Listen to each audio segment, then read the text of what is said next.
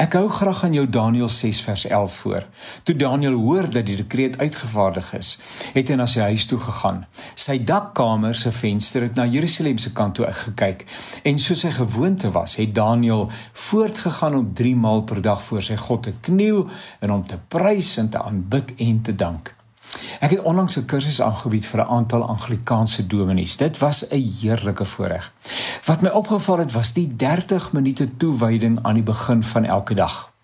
Skriflesing, belydenis van skuld en uh, sondebelydenis met ander woorde en lofreffing was daarvan kardinaal inhoud en deel. Die gehoor, die klomp dominees het baie gebruik gemaak van 'n responsoriese manier van dinge doen. So iemand dra die eerste frase of sin van byvoorbeeld 'n psalm voor en dan volg die res van hulle wat teenwoordig is en herhaal dit hardop, dit wat nou in die Bybel geskrywe staan.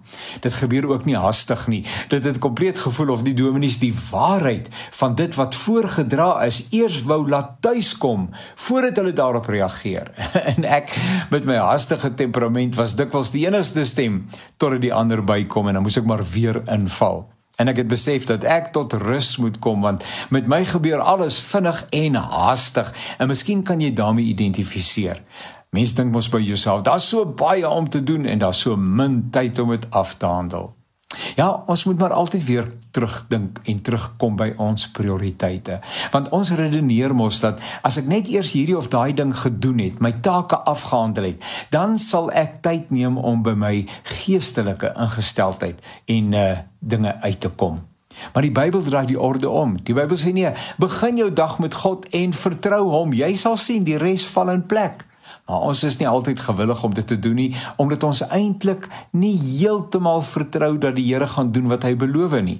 Maar feit van die saak is, as ons die Here vertrou, sal ons ervaar dat sy Gees ons vooruitgaan, dat hy die pad voorberei en as ons hom toelaat om voorrang in ons lewens te geniet, sal ons waarskynlik verras staan deur die gladde wyse waarop ons dag verloop. Dis vir al die reëling wat die klomp Anglikaanse dominees het rondom 12:00 elke dag. Alles kom tot stilstand. Dan is dit tyd vir gebede. Partykeer is dit net 'n kort gebed, maar dit is asof die klomp net eers weer tuis kom, nê? Nee? Dis net eers weer fokus op God voordat die res van die dag se program kan voortgaan.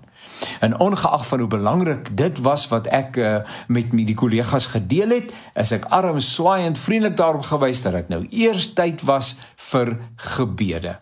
En ek het semuur besluit om by daardie pragtige gebruik aan te sluit. My selfoon so opgestel dat ek nou elke dag 12 uur herinner word dat God ook 'n groot en wonderlike werklikheid in my lewe is en dat ek net eers weer met hom as dit ware moet konnekteer as ek die woord kan gebruik. Miskien wil jy uh ook aansluit by hierdie gewoonte. Jy vat by jou selfoon, uh daar is mos 'n alarmpie daarop en uh, jy gaan dit uh, dan nou uh vooruit uh programmeer sodat dit elke dag om 12:00 afgaan. Ek was vandag in die motor en daar was ander mense saam met my in die motor toe my alarm afgaan, presies 12:00. En uh onmiddellik het my vrou gevra nou, uh, watter afspraak het jy? Ek ek was 'n bietjie verleeg geweest om vir haar te sê van hierdie hierdie ding en volgende keer gaan ek definitief die moed bymekaar skrap. Snaaks dat ons baie keer skaam is om oor hierdie dinge te getuig, maar saggies en by myself kon ek die Here loof en prys dat hy op hierdie verrassende manier weer eens in my dag ingegryp het asof dit my dag is.